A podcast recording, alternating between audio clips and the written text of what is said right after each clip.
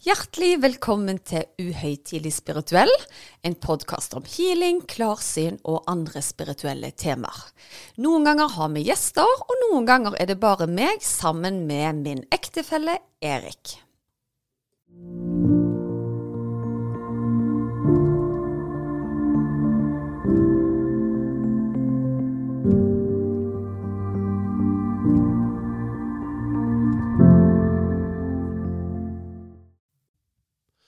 Ja, Susanne. Ny uke, nye muligheter. Det er det. Så igjen er vi her klare for en ny podkast, altså. Ja. Du, jeg tenkte på en ting. Du har sikkert hørt uh, om Husker du filmen 'Fire bryllup og en gravferd'? Ja. Men så tenkte jeg litt For oss var jo egentlig dette faktisk helt motsatt. Vi hadde fire gravferder før vi gifta oss. Ja, det er jo skremmende egentlig å tenke tilbake på. Det var, det var ganske kaotisk når meg og deg ble kjærester, altså. Det var, det var sjelden stille på den fronten der. Ja, Så da tenkte jeg kanskje i dag at vi kunne snakket om sorg. Ja.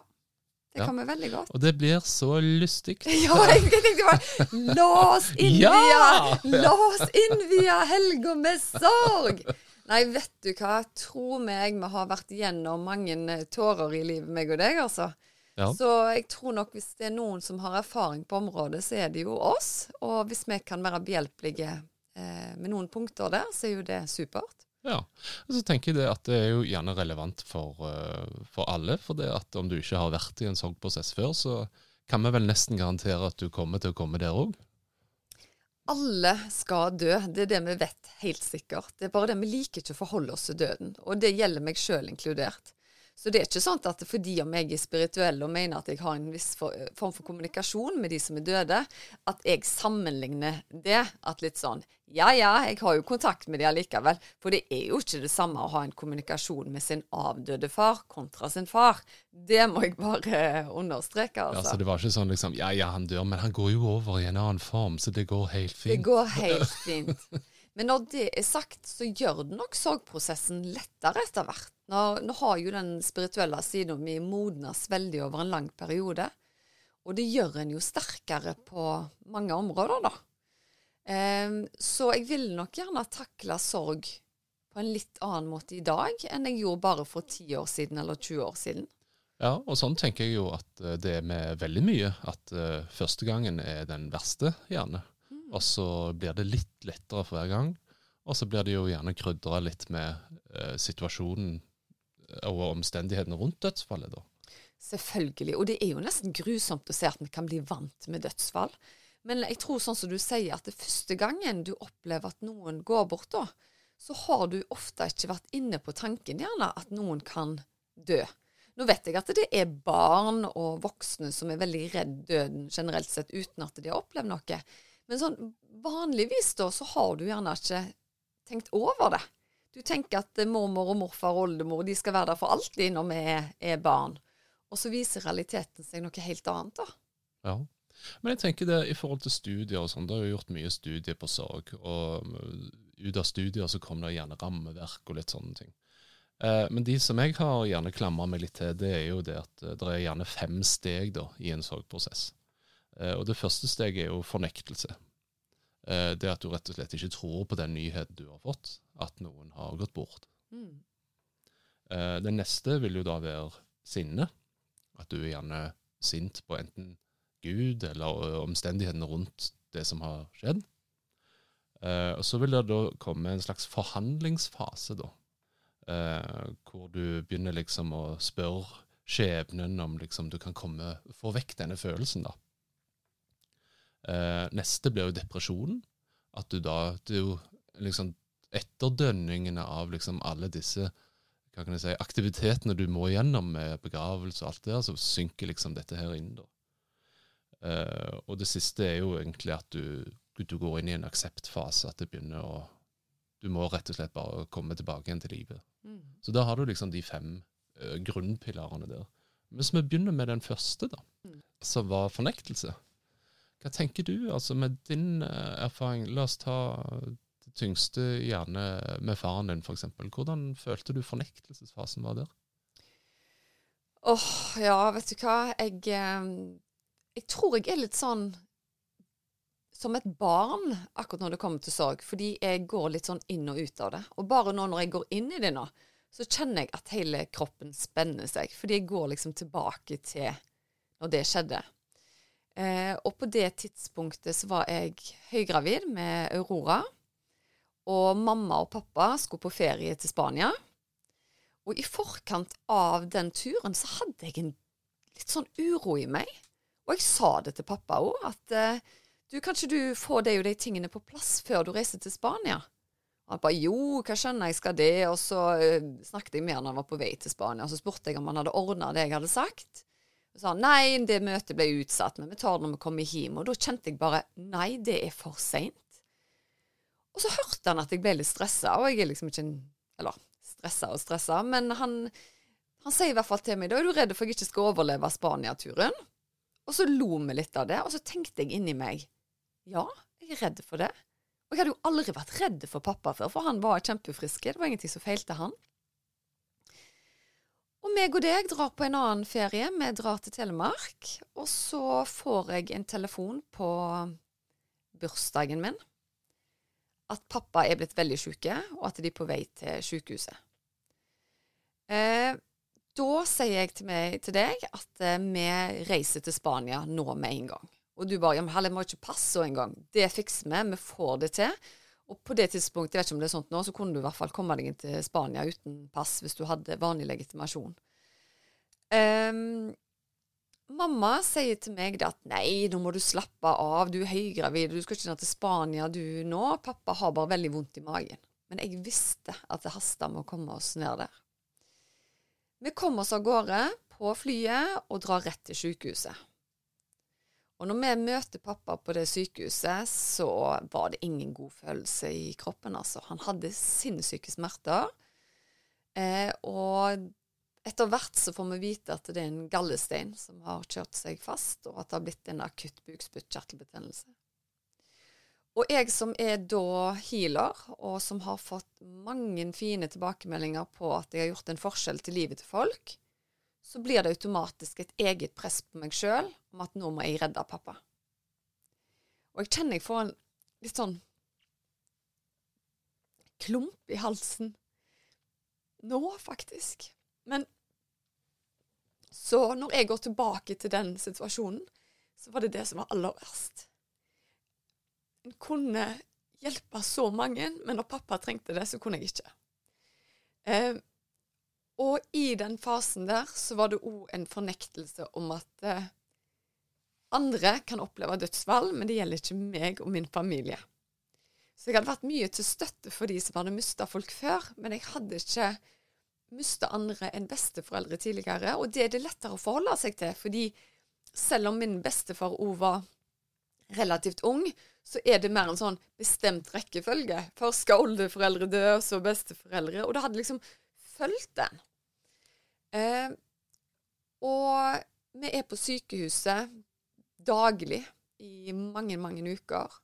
Men til slutt så får jeg beskjed om at nå er du såpass gravide at det er ikke trygt for deg å være på sykehus mer, for det er mye sykehusbakterier og sånn, så du må reise hjem. Og jeg husker jeg var inne hos pappa når han lå tilkobla alt mulig av slanger og sånt, at eh, dette er nok siste gangen jeg ser han. Så når vi var hjemme, da, så satt vi hjemme i huset vårt, og så kom telefonen om at han uh, var død. Mm. Um, og i forkant av det så hadde jeg et syn, eller en drøm, hvor pappa viste seg. Eh, pappa var veldig mørk. Jeg er jo totalt motsatt i fargene meg. Han hadde svart hår og helt brune øyne. Men når han kom igjennom, da, så viste han seg med blå øyne og det stussa jeg veldig på først, at hvorfor skal jeg drømme om pappa med blå øyne? Men det har jeg fortalt om i tidligere podkaster òg, at når han kommer gjennom og skal gi meg en beskjed nå etter at han er død, så viser han seg gjerne med blå øyne for å få oppmerksomheten min. Fordi i mitt stille sinn så er jeg jo sånn som alle andre, at det er sikker innbilning at jeg tenker på han nå, og det hadde vært veldig sånn romantisk om han viste seg, da, eh, blant annet. Eh, men han får definitivt oppmerksomheten min når han viser seg med det blå. Og jeg føler meg veldig beskytta og ivaretatt fra den andre sida, da. Ja. Jeg hadde nok ikke en fornektelse om at pappa var død, men jeg hadde en enorme sorg med en gang. Det var sånn, Jeg fikk ikke puste, og jeg følte meg konstant sulten, husker jeg. Det er en sånn rar klump i magen, og jeg hylte. Og det gjorde jeg nok eh, et par dager, i hvert fall. Jeg husker jeg grein så mye at jeg var helt utsletten. Um, så for min del i den fasen der, så var det Jeg forsto at pappa var død, da. Det var ikke en fornektelse om at han var død. Men jeg ville ikke at han skulle være død. Det er jo to vidt forskjellige ting, da. Mm. Og det tenker jeg òg i forhold til liksom vanlige modeller òg, så er det ikke gitt at du bruker hele spekteret av modellen. Så du gikk vel kanskje litt inn i sinnet ganske fort at du ville ikke akseptere selve situasjonen. Ja, det, det har du nok eh, rett i, Erik. Og jeg var mest sint på meg sjøl. Men så var det jo en prosess å, å erkjenne for seg sjøl at jeg rår ikke over liv og død. Eh, det er ikke mitt ansvar å holde mennesker i live. Og det er en plan for hvert enkelt som ikke jeg kan påvirke, da.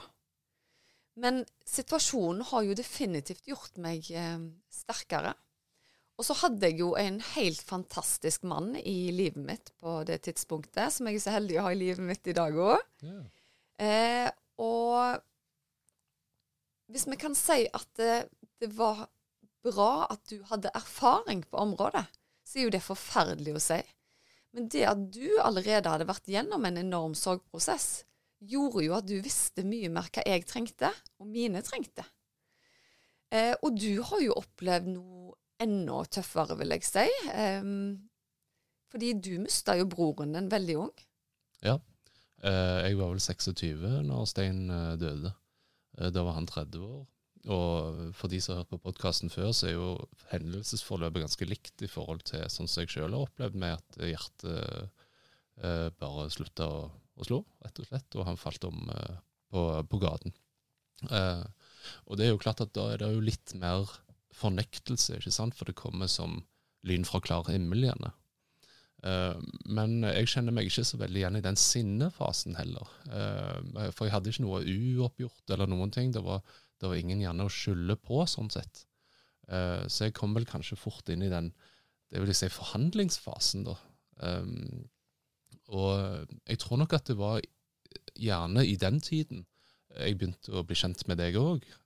og da ble jo òg søken for liksom, ok, er det, er det muligheter liksom å jeg skal ikke si ta kontakt, men er det beskjeder å formidle?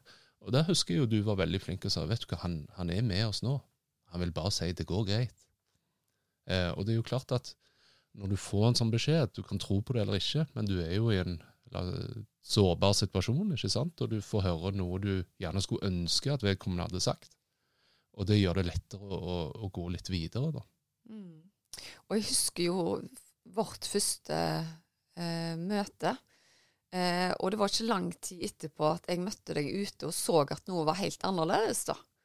Og da tok jeg jo det opp med deg at det er noe med, med hele energien din som, som, ikke er bra, og spurte deg da hva som hadde, hadde skjedd. Og du fortalte meg jo om hva du var oppi. Og jeg kjente jo hele hjertet mitt bare brista. Eh, og nå er det jo ikke sånn at vi aldri hører om at folk har mista noen før, men jeg tror nok allerede da så kjente nok jeg at eh, her er det en person jeg bryr meg veldig mye om uten egentlig å kjenne han.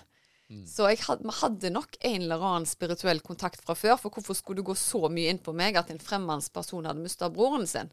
Jeg kunne selvfølgelig synes at å, jeg er glad det ikke har skjedd med meg, eller litt sånn, men, men jeg følte oppriktig eh, med deg, da. Og jeg tror nok at det gjorde at vi fikk en veldig sånn flying start på vennskapet vårt, for vi gikk jo veldig dypt inn med en gang, da. Ja, vi blottla jo holdt på å si alle følelser, for å si det sånn. Mm. Så, men, men, det, ja. Og beklager, men kan du fortelle meg litt om den telefonsamtalen du fikk? Hvordan, altså, hva skjer i kroppen til en når, når broren din har vært sunn og frisk, og dere har snakket på telefonen, eh, ting er helt fint, og så får du en telefonsamtale om at broren din er død? Ja, altså jeg fikk først en telefon om at han hadde, han hadde falt sammen da, i resepsjonen på jobb. Eh, og så hadde de frakta han til sykehus. Um, Men der var det ikke noe mer de kunne gjøre. Så det er jo en sånn Dale Oen eller Christian Eriksen-situasjon der med hjertet. Um, og det er jo klart at uh, når du får en sånn beskjed, så er det jo uh, helt uh, Altså, det er som lyn fra klar himmel. Du Klarte du å si noe? Kan du huske det? jeg tror mor har sagt at hun hørte jeg sa nei. Altså, det var liksom mm. ryggmargsrefleksen at dette kan ikke stemme. Nei, det, det er ikke han. De, de sikker, med, det er sikkert en kollega. De, de, har tatt feil.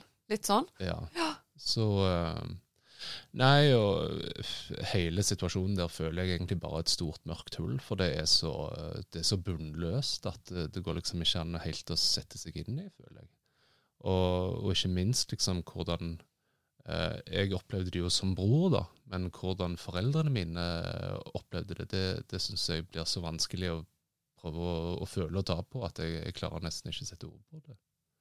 Nei, og gjerne spesielt nå når du er blitt pappa sjøl. Altså, du er jo verdens beste pappa. Så dedikert i ungene dine.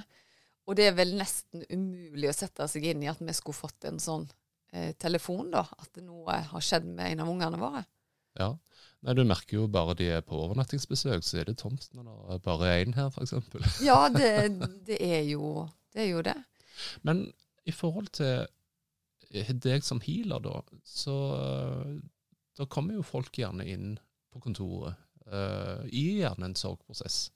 Ja, og det, vet du hva, det er fantastisk å jobbe med mennesker som er helt på bunn, og være med i prosessen og få de back on track. Eh, jeg har opplevd mange historier hvor det er så bunnløs sorg at de nesten ikke syns at livet er verdt å leve sjøl til å se enorme transformasjoner. Men jeg tror mye av grunnen til det er det at de gjerne kan kjenne og oppleve på egen kropp at det er en tilstedeværelse av energi når vi jobber med healing. Og mange får jo bekreftelser fra sine avdøde, men det gjelder ikke alle. Og de som kommer inn, spesielt foreldre som har mista barn, da sitter jeg, og du aner Om jeg har bedt før, så skal jeg love deg at jeg ber da. Altså, det er sånn Vær så snill, kan dere ikke bare gi dem et tegn? Og jeg er ikke sånn Ja, her er det et barn som er glad i deg, for det kan alle se. Jeg vil ha spesifikke ting som virkelig kan gi dem noe. Og jeg vil helst at de skal kjenne noe på kroppen sjøl når de ligger der. Enten i form av at de får frysninger, eller at de kjenner noe i hånda si, eller noe sånt. Men det er ikke alltid det skjer. Og det syns jeg er, er trist. At det er, det er litt urettferdig, eller kan oppleves urettferdig, at noen får masse besøk fra sine avdøde slektninger, mens andre er det helt stille. Og så har jeg eh, valgt å jobbe på en måte som at jeg påkaller aldri noen døde. Men jeg sier i forkant av healingen at hvis det er viktig for vedkommende sin healingprosess, så er det kjempefint om dere kan gjøre dere til kjenne. Og da skjer det av og til. Ganske ofte òg, faktisk. Men det er ikke kjekt når noen kommer inn med veldig stort ønske om å snakke med noen de har mista, og så får de ikke den kontakten. Det syns jeg er trist. Men nå jobber ikke jeg eh, enslukkende som medium. Det er jo de som har det som yrke kun å snakke med avdøde slektninger. Jeg er jo healer, og da er det healingprosessen som er, er den viktigste. da. Mm. For Hvis vi går tilbake igjen til disse fasene, da, så regner jeg med at de gjerne har vært igjennom de første fasene og er på vei Kanskje du sitter fast i en fase. Uh, og neste fase etter forhandlingsfasen er jo f.eks. depresjon. Mm. Og det kan jeg jo kjenne meg sjøl igjen med etter steindøde, Stein døde, for å si det sånn, at den fasen der, den er tung å komme ut av. Ja, for da er du jo sånn at du forbi sjokket, du har kjent at de er døde, og da kommer jo savnet. Og husker du når vi så den filmen, og meg og deg pleide alltid å gjøre det på fredagskvelden? Jeg kunne alltid ringe til pappa. Altså, uansett hva problem Jeg tenker på det i dag. Han har fått så mange idiotiske telefonsamtaler av meg opp gjennom eh, livet med det var nesten som at de ringte til pappa før jeg tenkte sjøl. det var liksom sånn Ja, men han vet jo alt, så da, fikser han det. Og jeg tror nok det er det en savner mest når en er blitt voksen, da. Nå er jo jeg såpass heldig at jeg, jeg har alltid deg å lene meg på. Men si da jeg skulle være dritirritert på deg en dag, Erik, som jeg selvfølgelig aldri er, så hadde det vært fantastisk å tatt en telefon eh, til pappa. Men samtidig så vet du jeg akkurat hva han ville sagt. Og det er du har en fantastisk mann ved din side. Snakk med han, dette finner dere ut av. Så det er akkurat som jeg har pappa på skulderen min hele veien uansett, da. Ja. Men han var, han var en veldig fin eh, eh, fin person på mange områder. Men eh, si det kommer inn en person til deg som eh, La oss ta ha, eksempelet har mista et barn. da. Eh, hvordan vil, Hvis barnet da kommer gjennom, hvordan vil vedkommende vise seg eh, for deg? Å, vet du hva, det er litt, litt forskjellig, men jeg har Ja, eksempel hvis det kommer inn en mor eller far som har mista et barn, så er det ikke sånn at, eh, at ved første healing at jeg nødvendigvis får kontakt med det barnet, da, selv om jeg har hatt veldig lyst til det, sånn som jeg sa innledningsvis. Eh, men det vi kan oppleve etter hvert når vi har fått gjort en del andre prosesser i kroppen, da, at vi har fått rydda litt opp i de indre banene, at de ikke er så urolige, stressa, sinte, frustrerte lenger, så får vi av og til glimt. Og da kan jeg gjerne beskrive bl.a. hvordan barnet ser ut. Men det som jeg har opplevd er litt gøy, da, er det at eh, etter hvert som tiden går, så opplever jeg at barnet viser seg i en voksnere form, da. Så jeg har jo et eksempel på et barn som viste seg i prinsessekjole for mange år siden da jeg starta, mens hun nå viser seg mer i sånn forretningsdame-attitude, altså. Det er jo fantastisk. Ja, det er det. Og da er det litt sånn Personligheten hennes er den samme som jeg beskrev når hun var liten. Eh, men nå er det på en måte eh, Ja, en helt annen schwang over det, da. Og det virker som hun er veldig involvert i foreldrene sine, i søsknene sine. Og etter hvert så har jeg gjerne behandla andre familiemedlemmer òg, og da er det ganske kult hvis denne dama kommer gjennom og gir dem litt sånn Det må du fokusere på. Så i det tilfellet her, da, blant annet, så, så har det vært fantastisk å følge den prosessen. Og det tror jeg kan være en trygghet for foreldre nå, å føle at barnet vokser med dem. Ja, det var ikke slutt. Det er ikke slutt, men det er en annen tilstand. Og jeg sier ikke at alternativet er det samme, men det gir en trøst på at vi kommer til å møte det igjen. Det er jeg overbevist om. Mm. Eh, så er det én ting jeg har lært av min kontakt med det spirituelle, da, er det at eh, ting er ikke endelig. Og jeg tror det er mye lettere i en sorgprosess når du har innfunnet deg med det, enn hvis at du tenker at alt er ferdig finito. Og jeg har diskutert med venner og bekjente som ikke tror. Og de gruer seg jo fryktelig til døden. Da er det ingenting. Alt er over. Og de er livredde for å miste familiemedlemmer, for da, er det ikke noen kontakter mer. Og argumentene er gjerne det at det, ja, men hvis alle overlevde etter de på en måte døde, da hadde det vært så mye energier der ute at det hadde ikke vært plass, sier de. Men da er jeg litt der at jeg tror at vi tar forskjellige former, og jeg tror gjerne at den samme sjela kan både leve parallelle liv og komme igjen og igjen og igjen. Så det er ikke sånn at vi bare fyller opp tettere og tettere og tettere. og tettere. Så det, det, det er så folkelig at det, det, ja, det er ikke plass, da. Ja. Men da tenker jeg at, eh, at det må jo være en fantastisk måte å vi, altså Si da du får beskjed fra en avdød slektning eller et eller annet, og så kommer du da litt videre i sorgprosessen, og at det kanskje blir mindre vondt.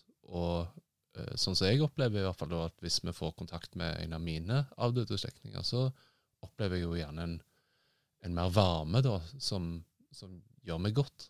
Det er ikke liksom at sorgen nødvendigvis kommer opp igjen, men det er en, en ja, det er en uh, ja, skrekkblanda fryd, om du vil. Altså, du, du blir jo selvfølgelig lei deg, men du sitter igjen med en god følelse. Ja, men vet du hva, Erik? Nå, nå, nå skjer det noe litt løye med meg, når meg og deg har denne podkasten på direkten. Nå blir jeg helt svimmel, og nå føler jeg at Stein står bak deg og holder deg på den skuldra. Ok. Kjenner du deg sjøl litt løyen? Nei. Det er veldig rart. Og han er Ja, han bare står der, liksom. Ja, det var jo et uh, godt tegn. Det var veldig kult. Ja. Og han er Han er bånnsolide, litt sånn men, men jeg skal prøve underveis når meg og deg snakker, bare få litt mer eh, for, for han er ikke lett å få kontakt med. Nei. Og jeg kjenner jeg blir helt sånn uh, i, i kroppen min uh, nå. Og han har ei skjorte på seg. Ja, nei, han eh, og, og det som er viktig da, for dere som hører på, at jeg har jo aldri truffet Stein. Jeg ble jo kjent med deg når han nettopp var død. Ja. Ja. Nei, og holdt på å si, hadde jeg vært i en av de første fasene når du hadde sagt det, så hadde jo jeg selvfølgelig knukket sammen nå. Eh, Men nå, når du da får sånne signaler, så føler jeg jo at det gjør egentlig bare godt å høre det. Mm. At, eh, at du får litt tegn, og at det er gjerne en, en spøk som, som jeg kunne fortelle før, som, eh, som kommer opp igjen. Ja. Men det er jo, altså hvis du Nå ble vi litt sånn fanga i øyeblikket, men hvis du hever blikket litt, så høres det jo helt sprøtt ut. Ja, det gjør jo det. Og i hvert fall nå når jeg ikke hadde noen ting juicy å komme med heller. Det er bare Han er der. Men vanligvis eh, når eh, vi får kontakt fra den andre sida, så pleier jeg å bli ganske kald. Eh, men det ble jeg ikke nå. Så det var bare en sånn ro. Men jeg ble litt sånn gyngete i hodet, og da er det veldig mye energi eh, rundt. Så i dag eh, er det et eller annet spesielt som skjer mens vi mens vi gjør opptaket. Så vi får ta og spole gjennom opptaket etterpå og høre om at plutselig så hører vi, hører vi noe der. Han er med på podden. Han er med på podden. Ja. Ja. ja, men det som jeg syns er litt interessant her, da, det er jo at øh, noen velger på en måte De syns det er spennende med dette spirituelle og litt sånne ting. Men her har vi altså brukt døden og sorg som en slags døråpner til at du ønsker gjerne å forstå litt mer for å bearbeide sorgen din. Mm. Um, og for min del så var det i hvert fall eh, Jeg var nysgjerrig, for jeg søkte jo litt svar, og du, du har jo lyst på at det skal komme sånne beskjeder. At du, det går greit. Mm. Og jeg husker i, i den samtalen med meg og deg, så var det jo ikke bare broren din som kom gjennom, da var det farmor og de òg. Og da hadde jeg jo veldig mye å komme med som du kunne relatere deg til henne, og jeg kjente jo ikke de farmor. Eh, så, og, og jeg tror det som er viktigst i den fasen hvor en gjerne lurer på om de er der ute, da, så er det jo gjerne å få informasjon som bare du vet om. Som ikke er sånn generelt at eh, ja, det var en person her som var veldig glad i deg, som jeg har sagt tidligere, eller han eh, likte fint vær. Altså, de fleste gjør jo det. Men at det er noe veldig mer eh, spesifikt, da. Ja, og der syns jeg jo at jeg har jo eh, vært stuntreporter, for å si det sånn, og jeg har jo både vært på større forsamlinger der de søker ut i publikum, eh, og sier f.eks.: Kan du kjenne deg igjen i dette? Hvem kan kjenne seg igjen i dette? Og så har jeg vært på én-til-én-seanser. Eh, men jeg personlig liker best én-til-én-seansen, for da kan de jo på en måte koble seg på direkte på noen som jeg gjerne ønsker de skal koble seg på. Mm. Var, var det noe Følte du at du enda mer fikk en ro? Fordi jeg vet nå er jo meg og deg gifte, så hva jeg sier til deg er jo én ting. Men når du kommer fra en tredjepart, da, at eh, du opplevde kontakt Eh, det kan ofte være eh, at, eh, at du får gjerne en bekreftelse på noe du har lurt på. Mm. Eh, og jeg føler vel egentlig det at eh, i hvert fall hvis jeg tenker tilbake igjen til den én-til-énen jeg hadde med et medium, da, så sa jo vedkommende at ja, men du har veldig mange hjelpere rundt deg, eh, som gjerne er avdøde slektninger. Og disse vil deg bare vel, og de prøver å dytte deg i riktig retning. Og når det da kommer eh, den beskjeden som du kommer med, da, så er det jo selvfølgelig Å ja, OK, ja, men nå fikk jeg beskjeden i et format som jeg kan forstå bedre, da, enn at det ligger en mynt på et gulv, f.eks. Ja, ja, jeg, jeg ser absolutt den, altså. Men jeg, jeg tror i forbindelse med sorg så er det viktig at alle håndterer sorg på forskjellige måter. Men jeg tror ingen er tjent med med å grave seg innover seg sjøl og ikke tømme den merkebullen. Det å ikke forholde seg til sorg, da setter det seg mye spenninger i, i kroppen, altså. Eh, og jeg skal ikke ha patent på vettet der, men jeg tror både åpenheten vår med våre dødsfall og åpenheten med din sykdom når du fikk eh, hjertestans, har nok gjort at vi har kommet oss bedre gjennom det, da. For jeg går ikke med angst hver dag for at du skal dø. Men mange i tilsvarende situasjon gjør det. Mm. Men det tenker jeg faktisk er en fin uh, læresetning å ha i bakhodet når det gjelder alt. Altså, er eh, livet vanskelig? Ja, men så snakk om det, da. For det at uh, vi er så opptatt av å holde fasade.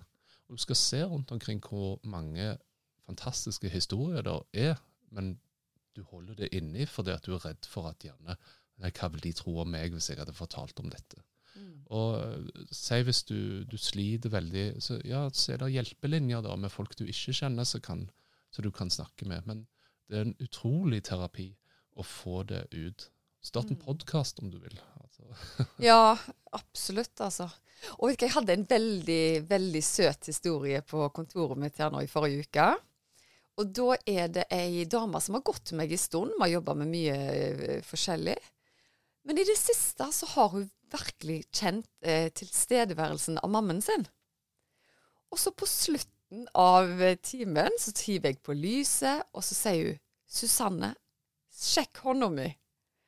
Og jeg møtte bare wow. Fram med mobilen, begynner å filme. Så sier hun ser du at det er noen som holder meg i hånda? Nå hviler jeg hånda mi helt, og jeg klarer ikke å legge den ned. Så hun føler tydelig at det er en energi som holder henne i hånda, hun bare vet det er mammen sin. Og hun har gått med meg i flere år. altså Så det er ikke sånn at du plutselig bare med en gang kom inn i dørene, så var det sånn Å, her er noe som holder.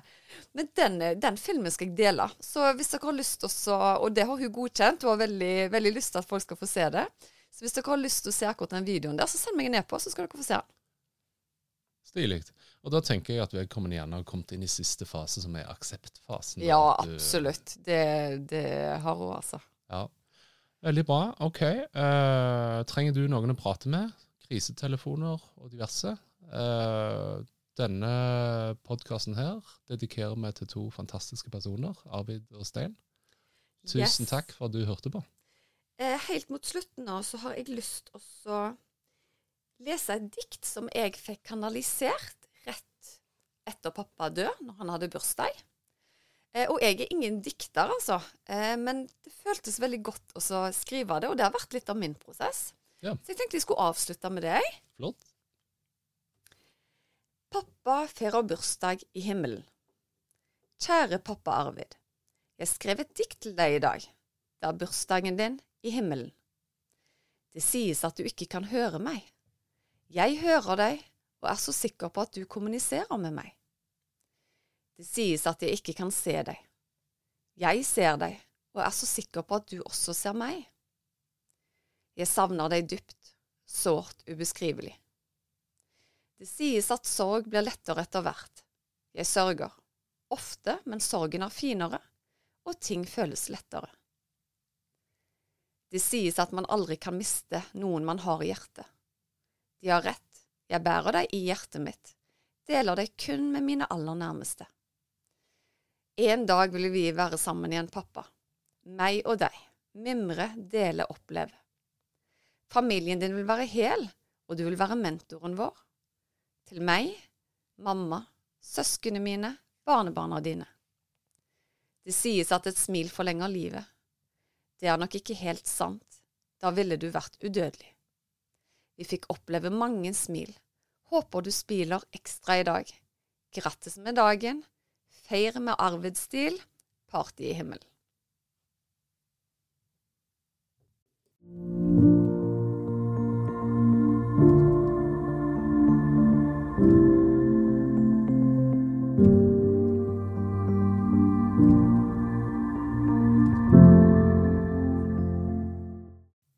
Visste du at du kunne ta kontakt med meg hvis du ønsker å få satt opp en personlig healingplan?